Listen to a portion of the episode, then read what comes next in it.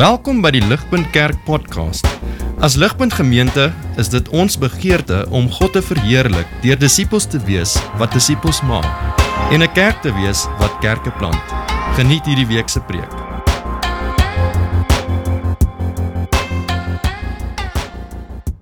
So 'n woord wat by my opgekom het soos wat ek voorberei het is die woord integriteit.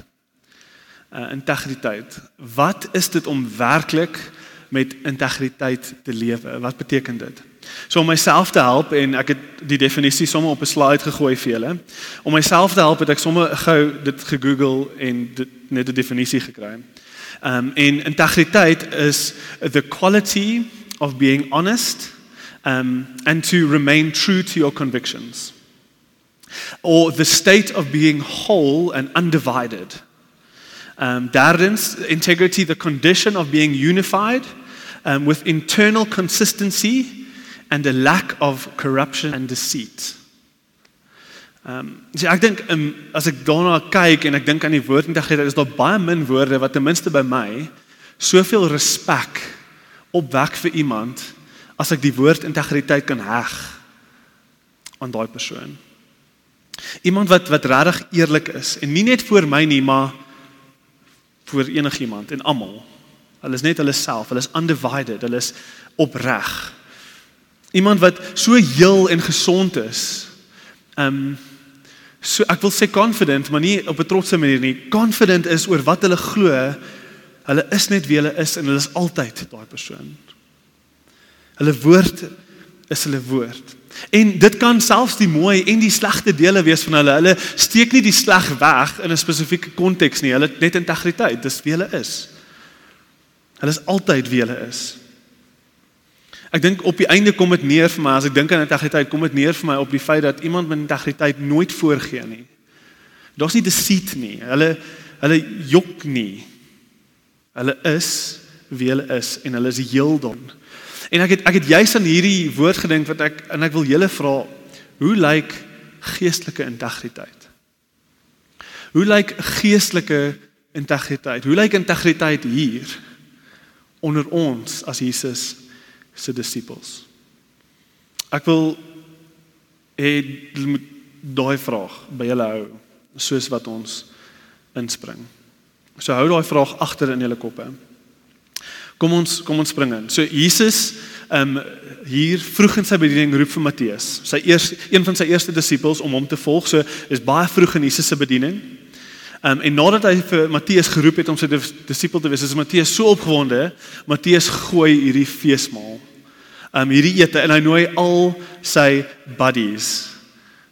En hulle is nie een aantreklik, mooi of oulik nie. Hulle is tax collectors. Hulle is sondaars. Hulle is die mense waarmee niemand wil assosieer nie en die fariseërs kom reg hier in die begin van Jesus se bediening en hulle sê why do you eat and drink with tax collectors and sinners? En dan is dit nie hulle enigste klagte nie. Ons gaan aan en as ons verder lees in die storie in vers 33 kom hulle weer um, na Jesus toe en hulle sê vir Jesus hey The disciples of John fast often, offer many prayers, and so do the disciples of the Pharisees, but your disciples eat and drink. Hierdie hierdie twee klagtes is regtig die agtergrond van Jesus se gelykenis wat ons net nou gaan gaan na kyk. Ons hierdie hierdie konfrontasie is is wat ons moet verstaan as ons wil verstaan wat hy vir hulle sê in die gelykenis en en die konfrontasie kom kom so oor. Jesus sê, ehm um, dit dis hoe dit sou geklink het as jy van die kant af geluister het.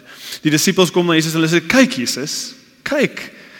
sien jy sien jy Johannes se disippels? sien jy sien jy hoe oulik is hulle? sien jy hoe baie vas hulle? Kyk hoe baie bid hulle. En natuurlik ons, die fariseërs. Ons doen dieselfde. Ons ons bid baie, ons vas baie. Ons ons weet van geskiedenis die fariseërs sou ten minste twee keer 'n week gevas het. En ek weet nie hoeveel keer gebid het nie en dit was gesien as 'n uitdrukking van werklike diep ernstige aanbidding. En en dis cheeky want hulle sê toe vir Jesus wel jou disippels eet en drink net. Dis soos om vir Jesus te sê sy disippels kuier net dag.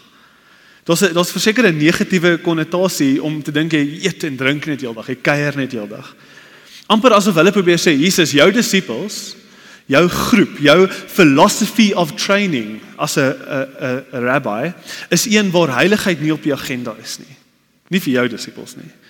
Ehm um, die erns van God, sy wet, sonde van werklike aanbidding is duidelik nie vir jou belangrik nie, Jesus, want jy eet en drink net heeltyd.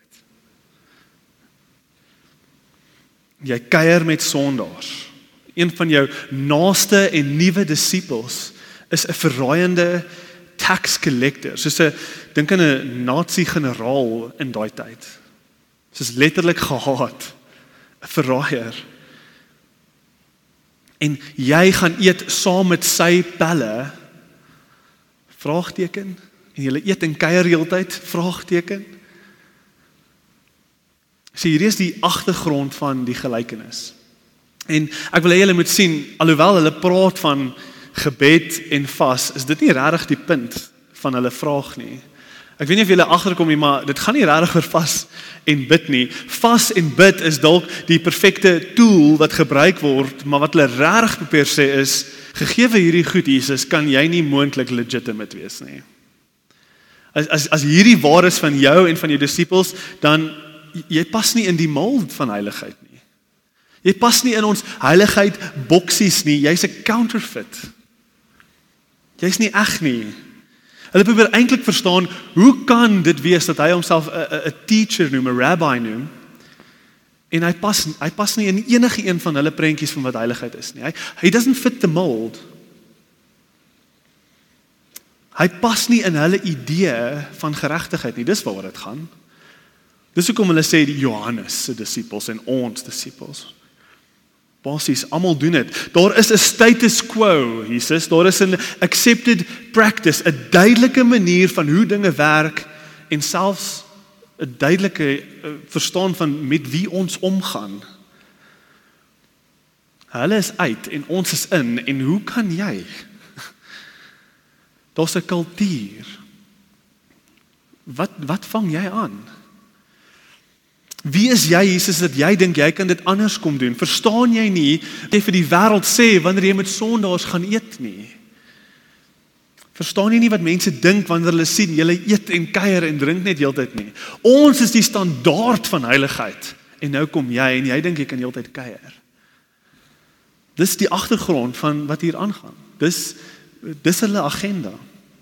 Ons kan sien dat dit ook ons kan ook sien dit gaan nie eintlik oor vas en bid nie want Jesus Jesus antwoord hulle vra oor vas in baie eenvoudige terme. Hy hy sê basies in vers 34 en 35 sal enigiemand vas by 'n troue? Nee, want dit is 'n feesmaal. Jy's jy's dom om te vas by troue want jy gaan die enigste een wees wat daar sit in die hoekie. Jy self jammer kry en almal gaan lekker eet en kuier. Dis 'n feesmaal. Jy vas nie by 'n kuier nie. En hy sê terwyl ek hier is, gaan ons kuier want ek is 'n geskenk van God af. En dis 'n feesmaal. Ons gaan nie ons gaan nie vas terwyl ek hier is nie, maar ek weet nie of jy sien nie, maar hy hy hy hy reguleer of bepaal nie vas nie. Hy sê net eenvoudig terwyl ek hier is, is dit nie nodig nie. Hy hy gaan nie in die detail in nie. Inteendeel, as jy in vers 36 kyk, dan gaan hy aan en hy sê, "Maar hy gaan ook vir hulle uh, he also told them a parable." In hierdie gelykenis, hierdie parable, herhaal hy in twee verskillende prentjies twee keer En hier is waar ons fokus moet wees vanaand want hierdie is waar detail hierdie is waar Jesus in die detail ingaan. Hierdie is waar Jesus wil stil staan sodat hy vir hulle kan wys wat regtig hier aangaan in hulle interaksie. Hierdie is die hart van wat Jesus vir ons wil sê in hierdie heel eerste nuwe perspektief. En hierdie gelykenis spreek baie meer aan as bloot net die idee van vas. So lees net gou weer saam met my van vers 36 af. He told them he also told them a parable. No one tears a piece from a new garment and puts it on an old garment. If he does, he will tear the new garment and the piece of new will not match the old. And no one puts on new put, puts new wine into old wineskins. If he does so, the new wine will burst uh, the skins and it will be spilled and the skins will be destroyed, but the new wine must be put into fresh wineskins. Hierdie is hierdie is waar hy stop. Hy herhaal dit twee keer. Hierdie is hierdie is die punt wat hy probeer maak. Hy gee vir ons twee prentjies. En hy vergelyk heeltyd die oud met die nuut. En Jesus sê ek is die nuut. En ek kom in en ek gaan dinge baie anders doen as die oud, as die ou manier. Hy gebruik hierdie prentjie van 'n ou lap wat geskeur het, 'n ou kledingstuk. Jy weet, hulle hulle het mos daai soos halwe rokke goed aangegaan. En dis geskeur en dis 'n ou een. En die prentjie wat hy sê is, weet, jy vat 'n splinter nuwe lap waarmee jy 'n splinter nuwe stuk kleer klere mee kan maak. En jy sny jou nuwe stuk lap op net om jou oue te bewaar, maar hoekom maak jy nie net 'n nuwe een nie? Is die vraag. Hy sê, jy weet jy jy gaan die nuwe een moet skeer om die ou een reg te maak. En dan sê hy dit gaan nie pas nie. Soos dit gaan ook dit gaan snaaks lyk.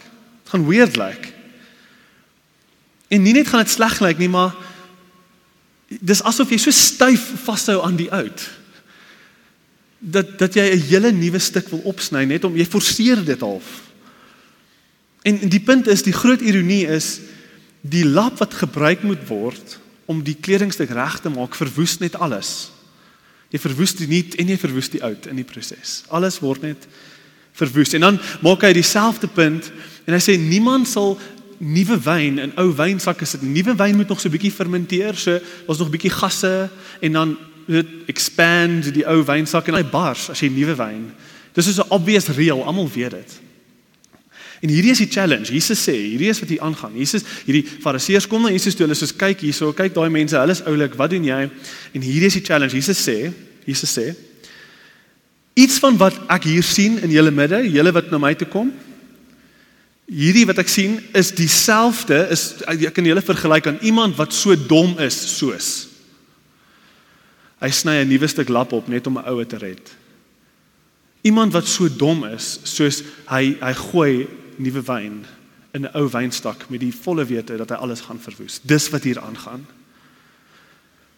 Hy challenge hulle. Hy sê vir hulle, hierdie is julle maak nie sin nie. Julle wat so vaskyk in die bid en die vas en in sonde en in boksies. Julle wat almal probeer indruk in julle definisie van heiligheid en almal veroordeel om julle want dit is wat 'n regte heilige persoon doen. Julle verwoes net. Julle kom vat nuwe lap en skeer dit op en wil ou lap wat weggegooi moet word probeer regmaak. Hierdie is die twee prentjies, die oud en die nuut word heeltyd vergelyk. Nou ek wil stil staan hier en eerstens praat oor wat is die oud? Presies. Wat is hierdie ou manier presies? En dan wil ek tweedens vinnig kyk na wat is die nuut? En ek wil heel, ek wil hierdie twee goedes vergelyk sodat ons kan verstaan presies wat Jesus hier vir ons probeer sê. So wat is die oud? Wat is dit wat Jesus moet kom vervang? Anders te gaan dit als net verwoes. In kort is dit 'n ou manier van dink oor God. Dit is wat Jesus moet kom vervang. 'n Ou manier van dink oor God. Oral in die wêreld, as jy dink daaraan in elke geloof, kom dit neer op 'n en in baie kerke ongelukkig kom dit neer op 'n lys reëls wat ons moet nakom. Ons moet ons moet iets wees en dan is God happy met ons. En as ek iets as as iets sleg met my lewe gebeur, dan het ek 'n reël gebreek en God is kwaad vir my en hy straf my.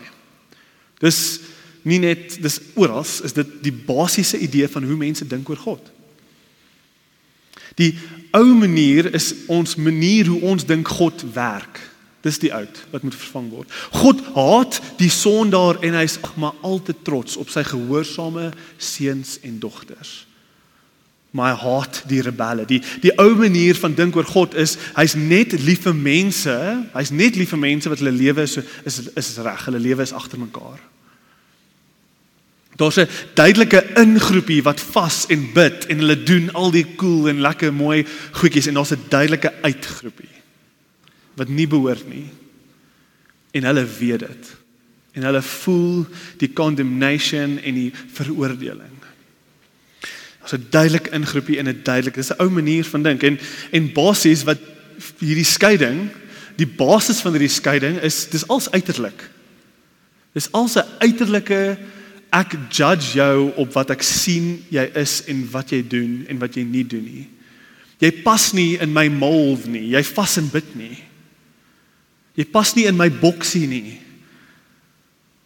Jy doen nie wat jy moet doen nie. Jy lyk nie soos die ander heiliges nie.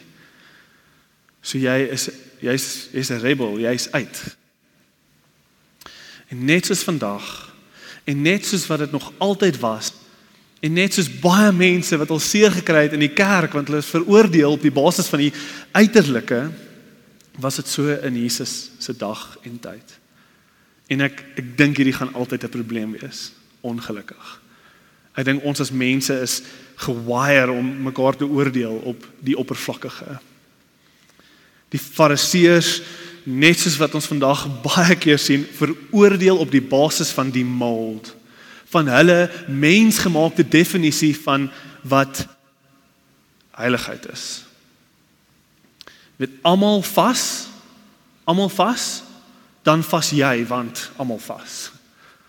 Almal bid en lees hulle Bybel, so ek doen dit ook want almal doen dit. Of ek gee net voor ek doen. Ek maak net sodat ek net kan inpas.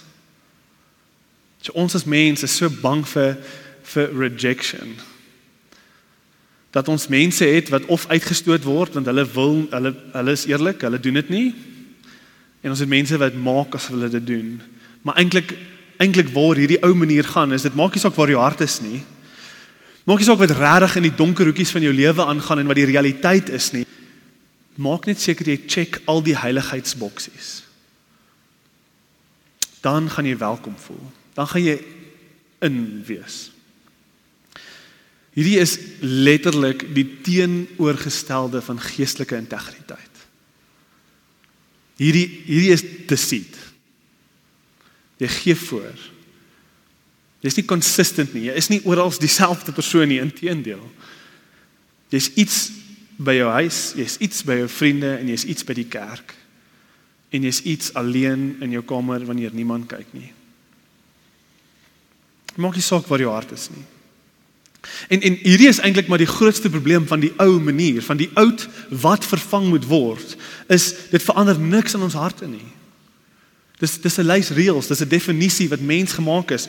Um, Jesus sê vir die Fariseërs, lees saam met my, Matteus 23, hy sê, "Woe to you teachers of the law and the Pharisees, you hypocrites. You are like whitewashed tombs." What's a whitewashed tomb? This this this dit. You look beautiful on the outside, jy's mooi gas, but on the inside you are full of bones, bones of the dead and everything that is unclean. In the same way, On the outside, you appear to people as righteous, but on the inside, you're full of hypocrisy and wickedness. Of Isaiah 29 vers 13 wat ons gelees het vroeër. The Lord says, These people come near me with their mouth, they honor me with their lips, but their hearts are far from me.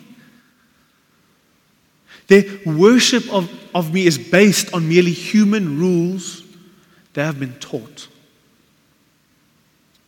Their worship of me is based on merely human rules they have been taught. Pas net in die mold. Dit gaan nie dit dit gaan meer oor dit hierdie ou manier gaan meer oor oor wat ander van jou dink as wat dit gaan oor wat God van jou dink.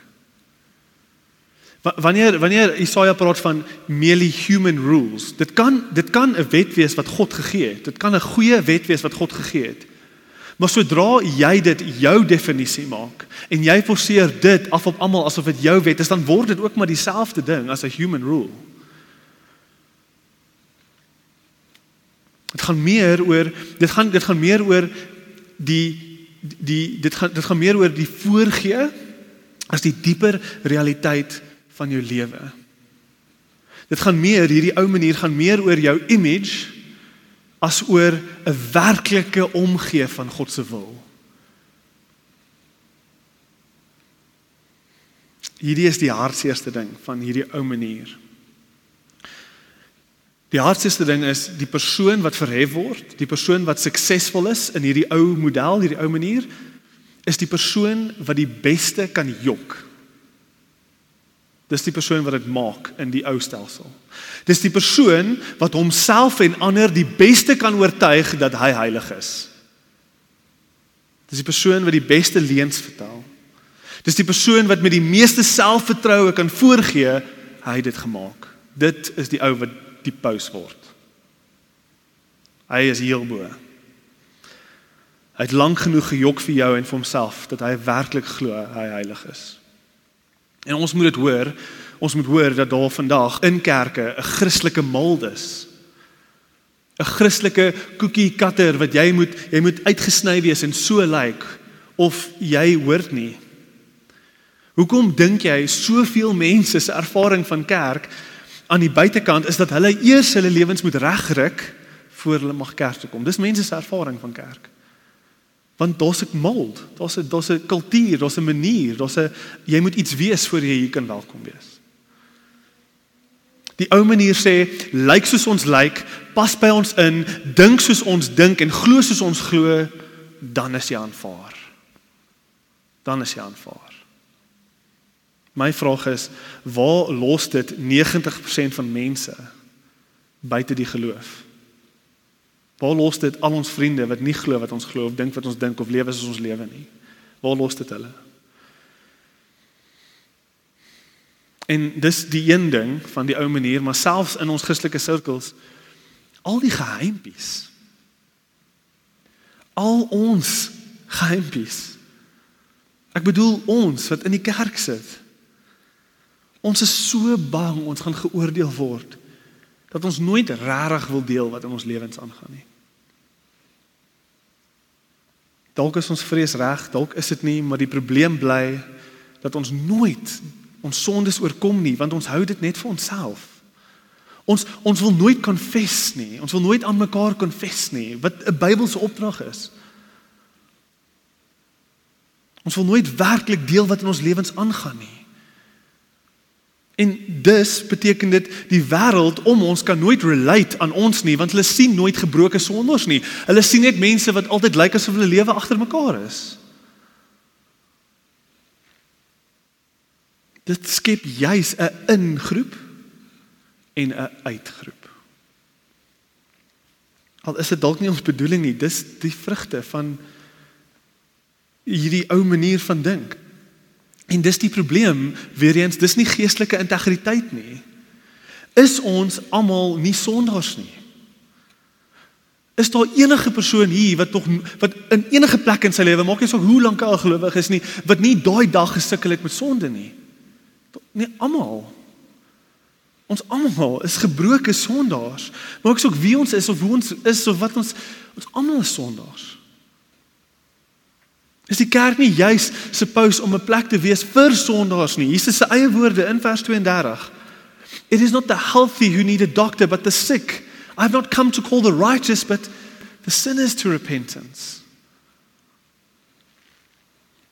Hoe lyk 'n hoe lyk 'n kerk vol mense wat werklik weet hulle is siek?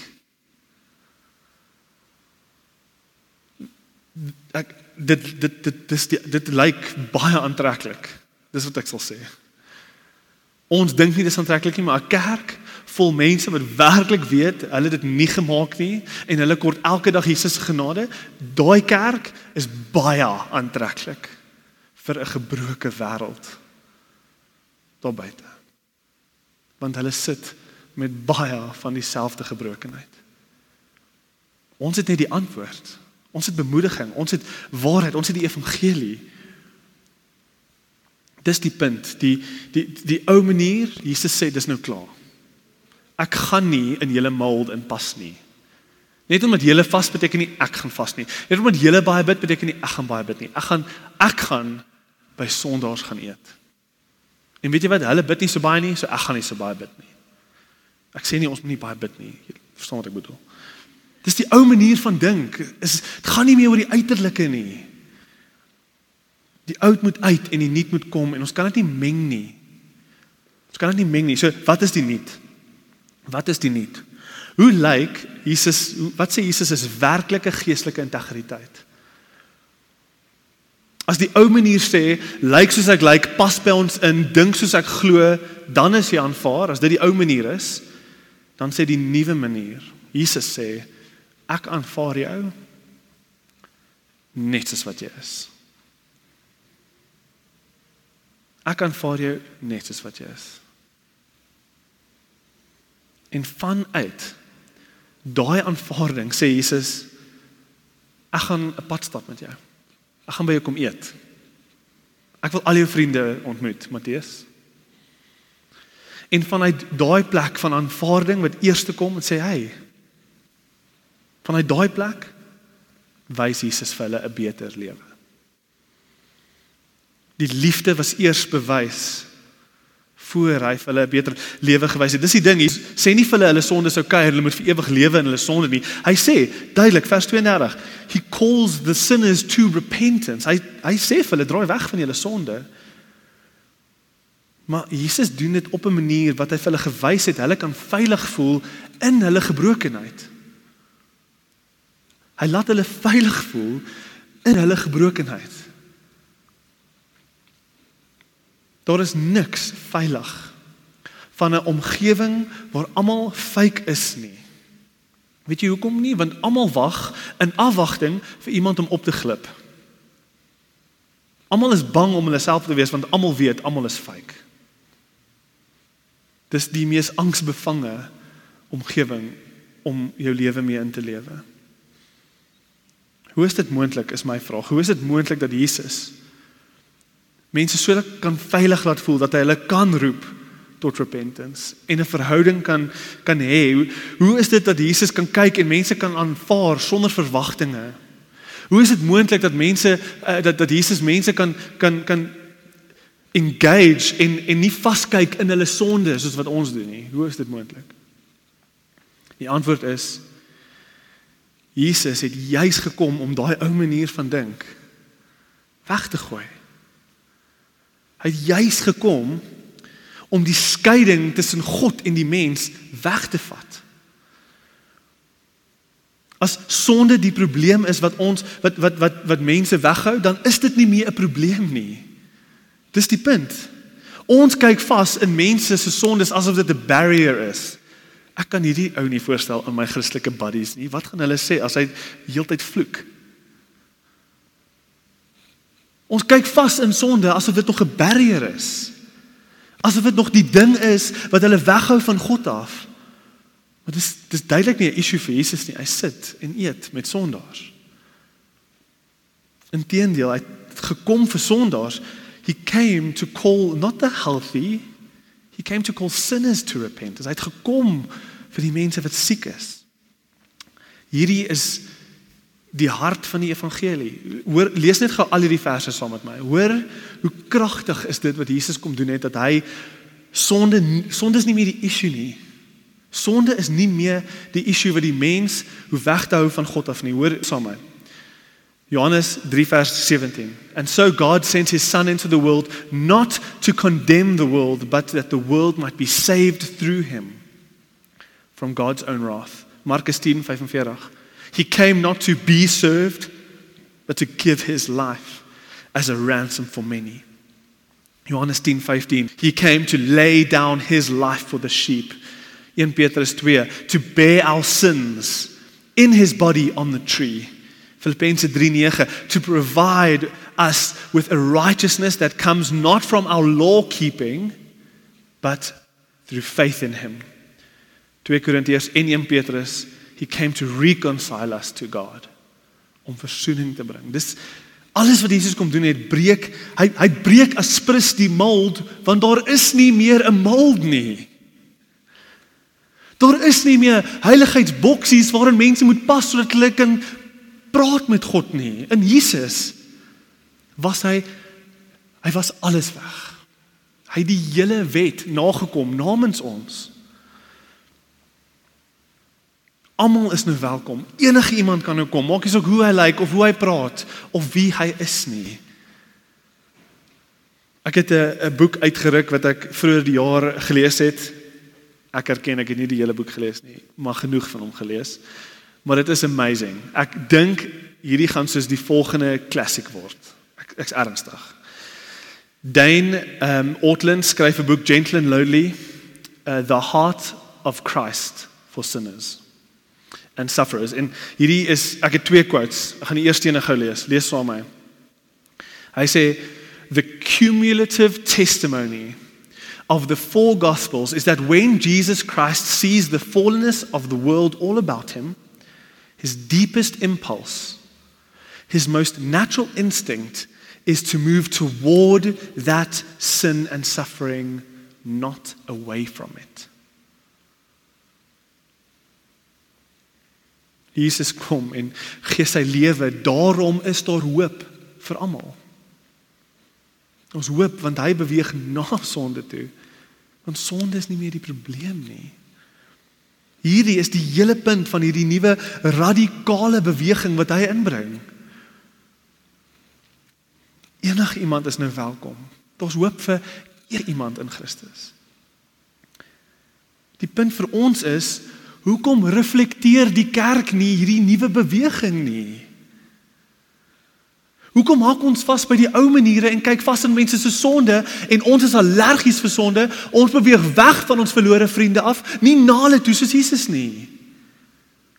Ons allergies is ons wil onsself afsny. Ons wil ons eie klein Christelike Amish gemeentes maak en onsself afsny van die gebroke wêreld maak. In plaas daarvan dat ons soos Jesus beweeg na dit toe want daar's nie meer barriers nie, ons is gered. Sonde is nie meer die issue nie.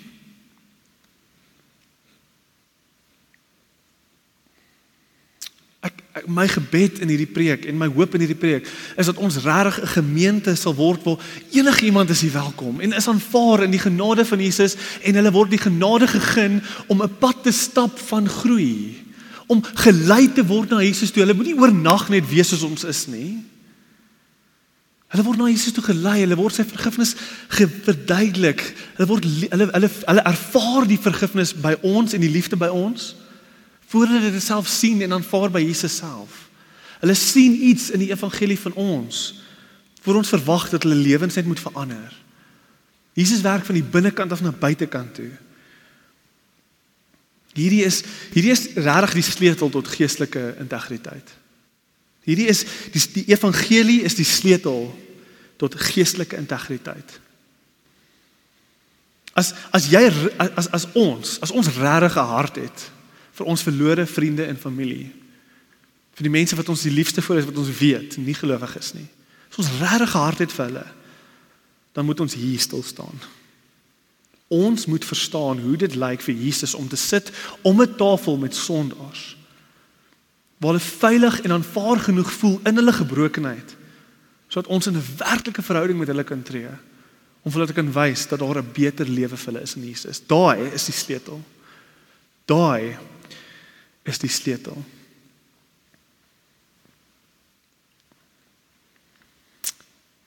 Wat van jou? Wat as jy voel daar is 'n disconnect tussen jou buitelewe en jou binneste lewe? Wat is wat is wat is jy voel jy gee vir lank al voor dat jy iets is wat jy nie reg is nie? Die sleutel tot jou geestelike integriteit. Vir jou om jou binnekant die realiteit te maak met jou buitekant, vir daai goed om een te word. Is is in my uitnodiging is vir ons om opnuut, hierdie is die antwoord. Besef opnuut hoe lief Christus jou het en nie die voorgee jou nie, die binne jou. Hy is so lief vir jou ten spyte van jou sonde.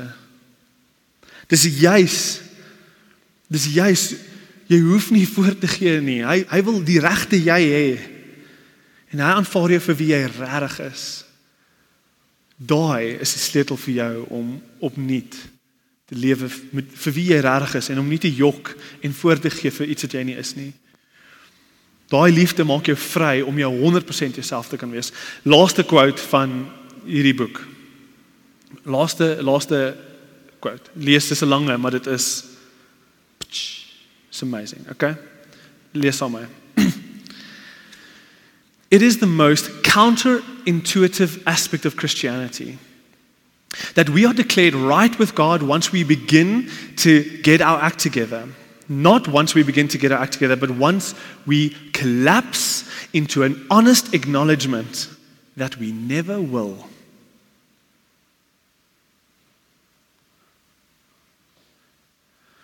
that God in his rich mercy means that your regions of deepest shame and regret are not hotels through which divine mercy passes, but homes in which divine mercy abides.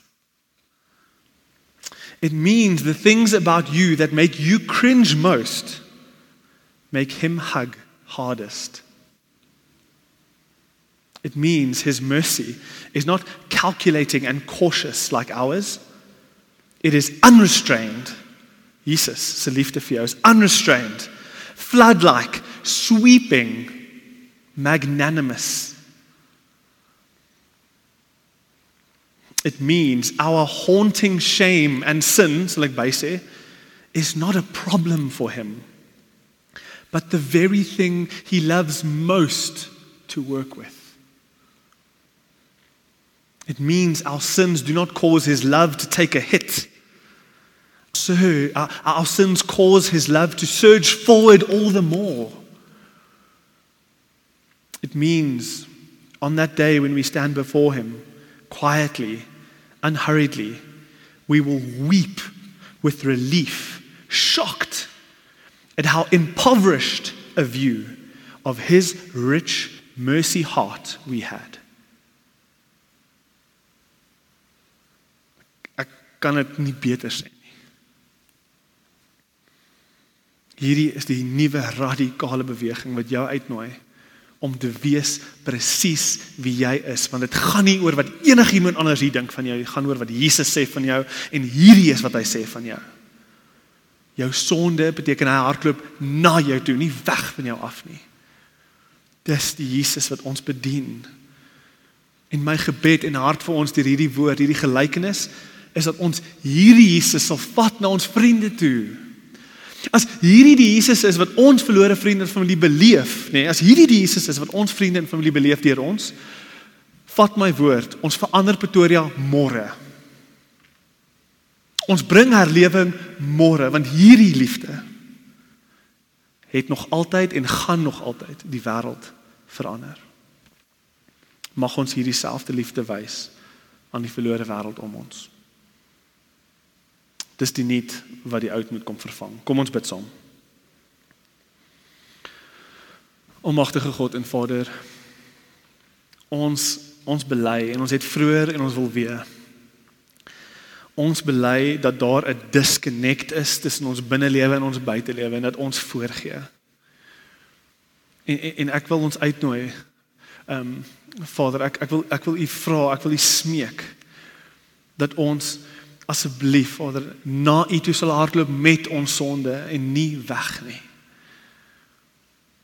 Vader ek ek wil vra breek deur die die vrees, breek deur die skaamte, breek deur alles wat ons in onsself intrek en kom wys ons ons kan net wees met U want U het vir ons al die barrières weggevat.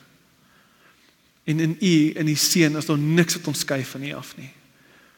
En bo alles wil ek bid, Papa Vader, Help ons om hierdie Jesus te vat na ons verlore vriende toe. Geef vir ons die krag en die vermoë en die heiligheid en die en die wysheid en die geesgedrewendheid om met ons verlore vriende te gaan kuier, te gaan wees by hulle. En gee vir ons daar die mag en die die krag en die wysheid om vir hulle te kan wys daar is iets beter en mooier in Jesus as wat hulle ooit hulle self kan kon verbeel. Ek bid dit als in Jesus naam alleen. Amen.